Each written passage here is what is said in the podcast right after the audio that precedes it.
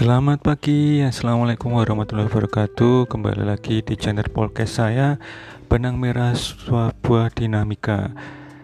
Masih bersama saya Ditya Wisnumurti. Kali ini saya ingin berbagi kepada Berbagi informasi kepada teman-teman semua Terkait uh, beberapa hal tentang materi-materi atau ilmu psikologi.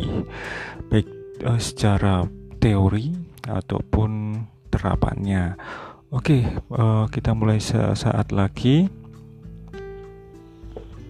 Hari ini saya ingin membahas atau saya ingin menginformasikan kepada Anda semua terkait dengan satu konsep dari uh, teorinya Albert Bandura. Ya, mungkin teman-teman yang psikologi pasti sudah tahu gitu kan siapa orang ini gitu kan. Dan teori yang yang dicetuskannya atau uh, pemikirannya seperti bagaimana. Banyak konsep yang mungkin kita pelajari sebenarnya kalau kita membahas satu ahli teori ya gitu.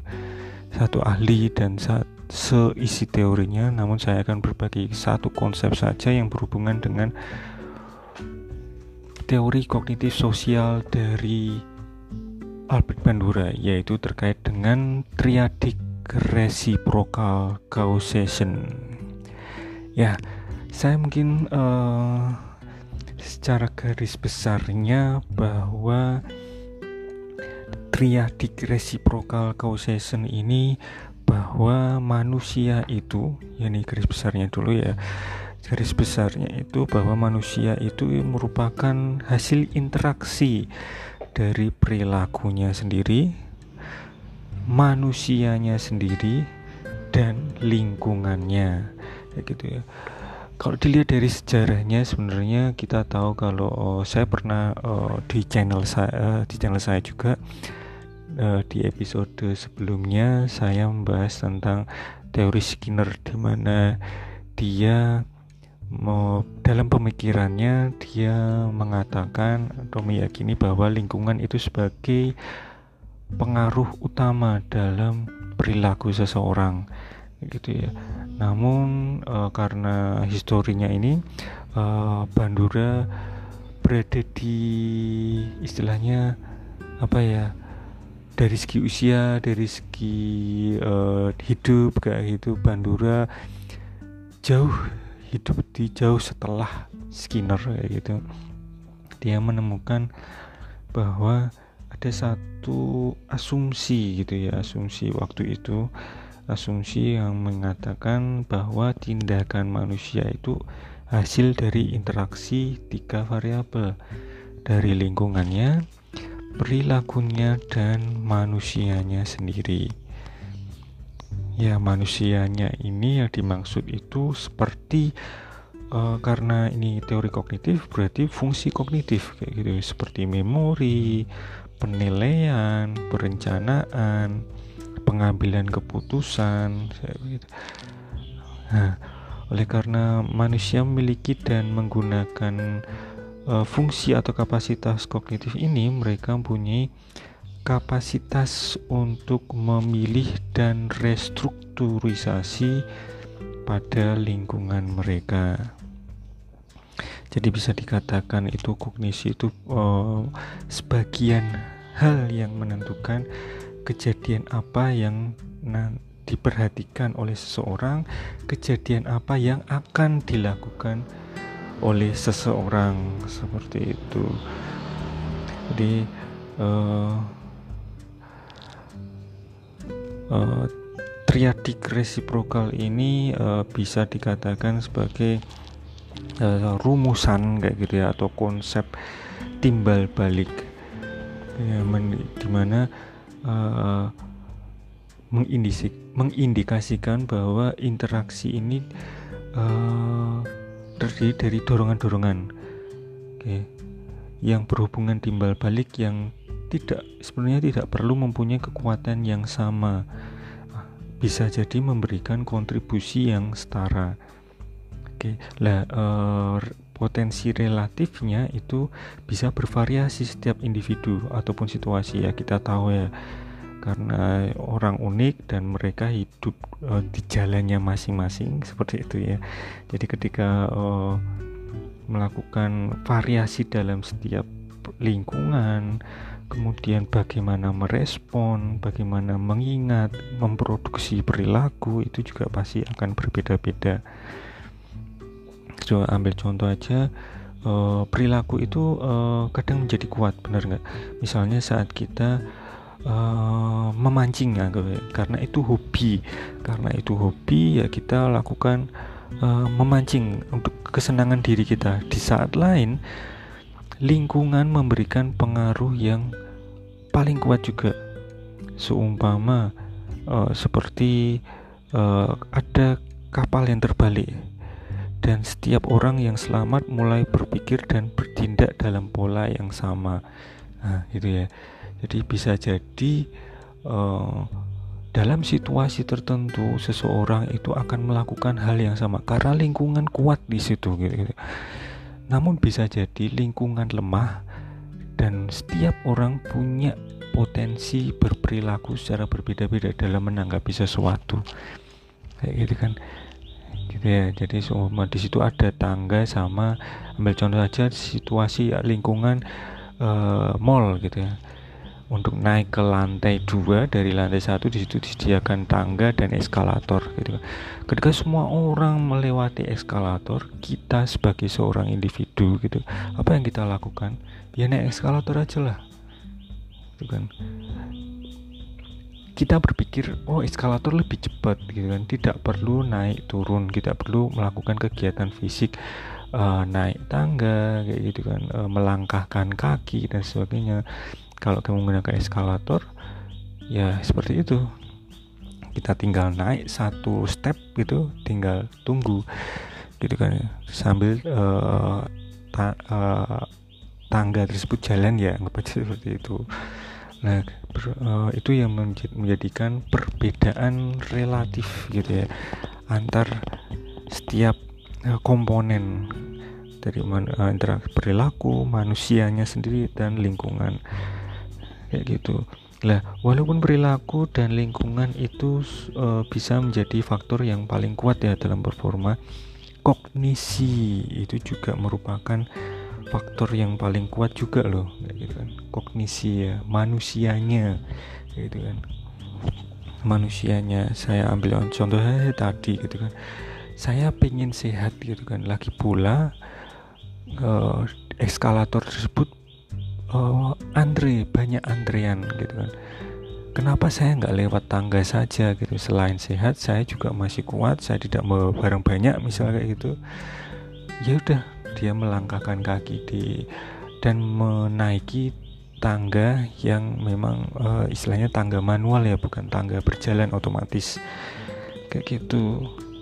Nah, seperti itu. Ini yang uh, pengaruh relatif dari perilaku lingkungan dan manusia itu bergantung pada faktor triadik yang terkuat dalam satu momen atau satu situasi tertentu seperti itu.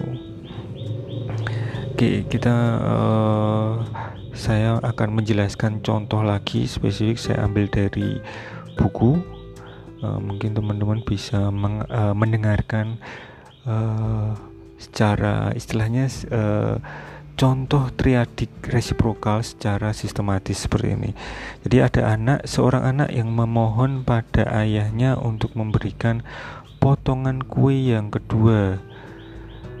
Nah, berdasar sudut pandang ayahnya, itu adalah suatu kejadian dalam lingkungan. Apabila sang ayah secara otomatis memberikan potongan kue pada anak, maka keduanya akan mengkondisikan perilaku satu sama lain.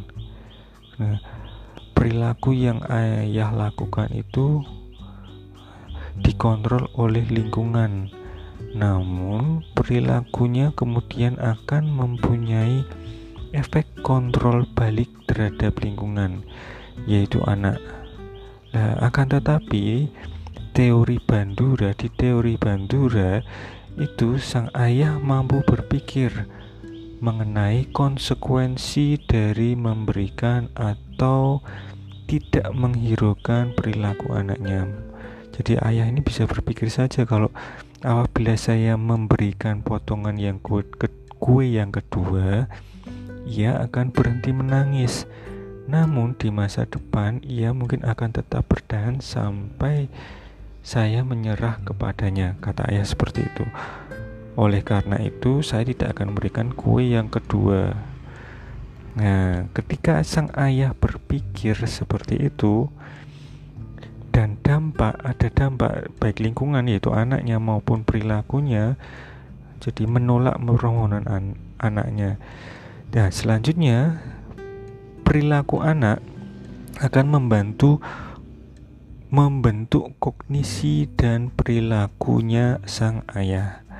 Apabila anaknya berhenti, ayah mungkin akan mempunyai pikiran yang lain. Contoh, ia akan mengevaluasi perilakunya. Ayah, uh, saya adalah ayah yang baik.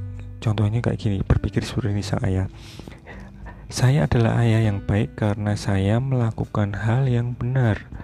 Nah, perubahan dalam lingkungan itu membiarkan sang ayah melakukan perilaku yang berbeda. Nah, inilah yang menjadikan uh, bisa dikatakan perilaku belajar ya. Perilaku belajar yang ditentukan berikutnya adalah karena adanya interaksi timbal balik dari lingkungan dalam setting seperti itu cara berpikir sang ayah sampai kepada perilaku dari sang ayah ataupun sang anak gitu ya itu jadi uh, contoh mungkin uh, contoh contoh lain ya kalau saya yang tadi mengatakan. Contoh lain ketika uh, contoh lain selain menaiki eskalator dan pem, tangga berjalan seperti itu.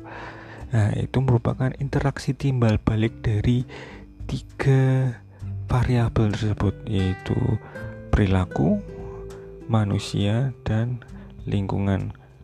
Gitu ya jadi ada istilahnya e, dari sudut pandang si yang melakukan kayak gitu kan. Seperti itu. Ya.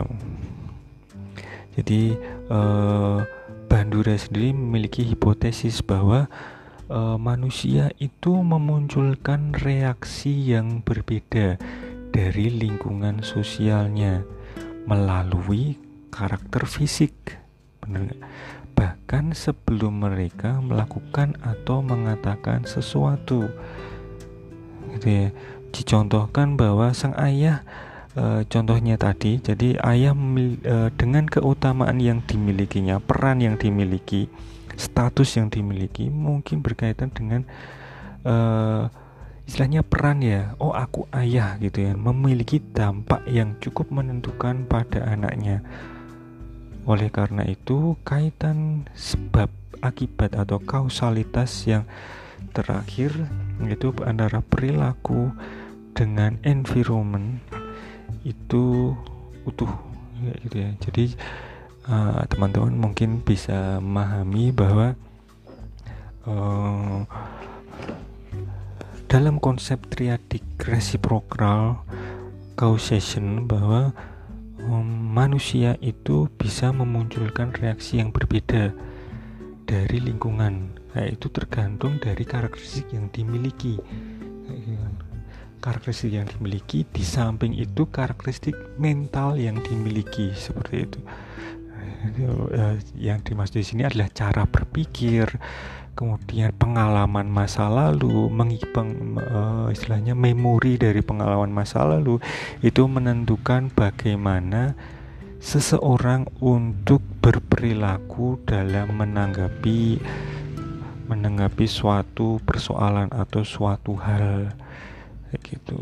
Nah, oke, okay, itu sedikit konsep uh, yang bisa saya jelaskan atau yang saya infokan dari triadic reciprocal causation. Uh, terima kasih atas waktunya dalam mendengarkan tetap sehat dan selalu sadar. Ikutin terus informasi-informasi uh, lain di channel podcast saya Benang Merah Buah Dinamika. Saya Aditya Wisnu Murti selamat pagi